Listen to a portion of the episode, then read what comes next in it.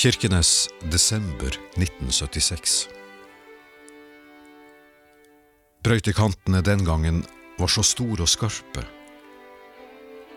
Hvis man ikke hadde votter på seg i desember og falt mot snøhaugene, skar man seg til blods i håndflatene på stålkulla.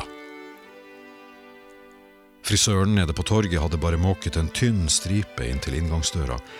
Ni år gamle Philip Fiske balanserte langs snøkanten og tok i dørklinken, ramlet inn med boblejakke og topplue som luktet av stekt sild. Slik bare lukten av 70-tallets stekte sildemiddager kunne klistre seg til jakker og luer, og avsløre at det var fra arbeiderklassen han kom. Funksjonærungene og lærerbarna luktet aldri slik.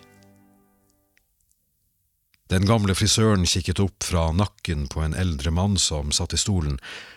Han sto i brun skjorte, ermene var opprettede så man kunne se de hårete gammelmannsarmene.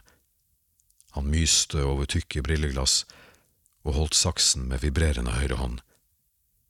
Du får, uh, du får sette deg der, mumlet han og pekte på en pinnestol som sto tett inntil et smalt respatekkspor. Det var to frisørsalonger for herrer der den gangen.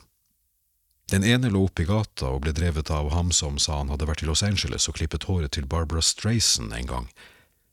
Men der kostet det 50 kroner, så det var helt utelukket. 50 kroner for en gutteklipp, hva var det for slags påfunn, sa de voksne. Alle voksne sa det. Og dessuten så snakker han søring, og hvem går vel til en herrefrisør som klipper damer og snakker søring?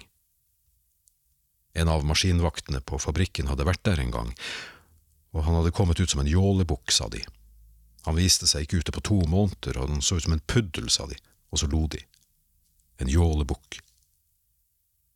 Hos den andre herrefrisøren kostet det 30 kroner for gutter, 40 for herrer.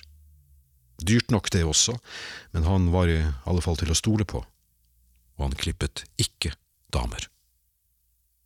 Han førte timelister sirlig med kulepenn i en syvende sans, og han hadde syvende sanser tilbake til 1946, i rekker i en lav, brun bokhylle over kassaapparatet.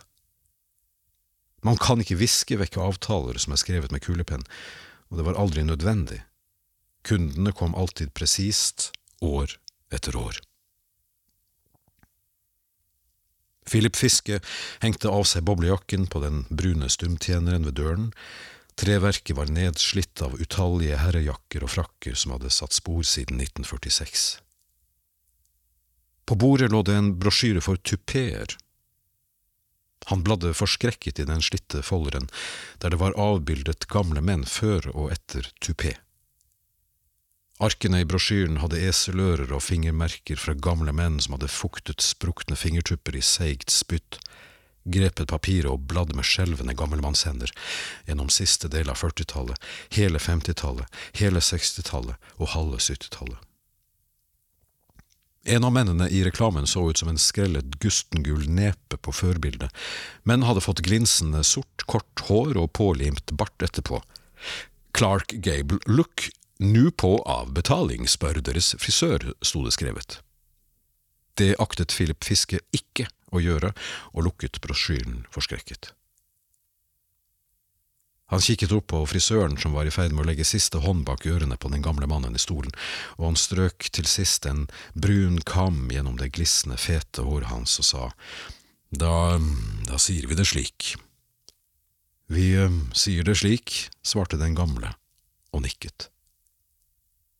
Frisøren satt i kammen ned i et vannglass på glasshyllen foran stolen, trakk plasttrekket av kunden og sa Vi setter opp ny time i mars, den femtende. Den femtende, bekreftet den nyklipte gamle, og hektet gammelmannsfrakken av stumtjeneren, betalte sine 40 kroner og gikk. Ja, da kan, du, da kan du sette deg, gutt, sa den gamle frisøren og sopte avklipt grå hår inn i et brett tømte brettet i en S-lagspose og satte hendene i stoleryggen og sa Så, sett deg, sa han og myste gjennom de tykke brillene. Philip Fiske satte seg, kikket på kammen som frisøren hadde satt i vannglasset, han kunne skimte en hårete fett rand inne ved tannfestet på kammen der nede i vannet, og det fløt grå hår på vannoverflaten. Han håpet at frisøren ikke kom til å bruke den kammen.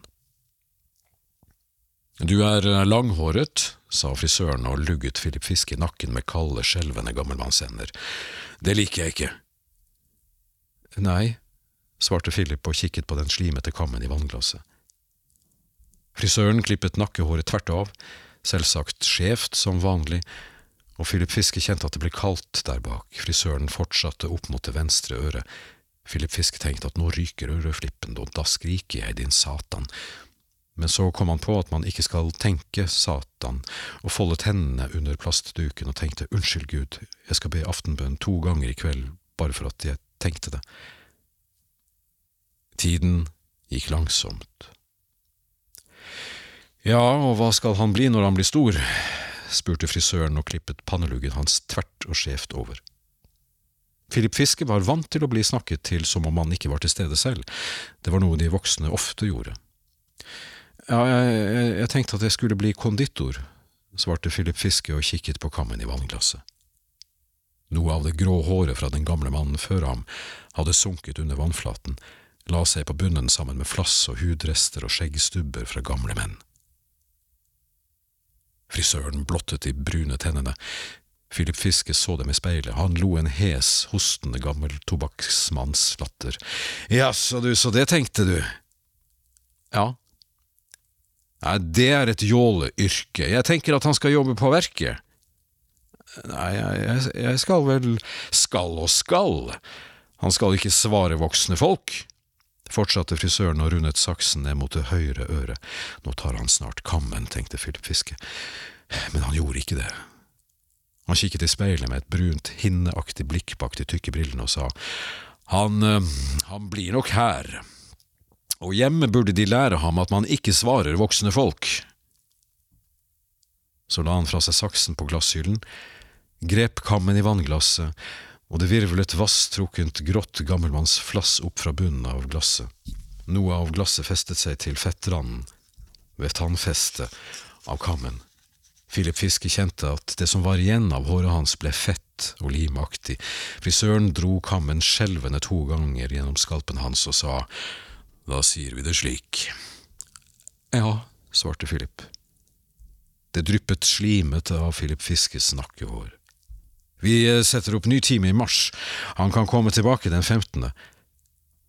Den femtende, ja, sa den nyklipte Philip Fiske, og hektet boblejakken av stumtjeneren, betalte sine 30 kroner og gikk.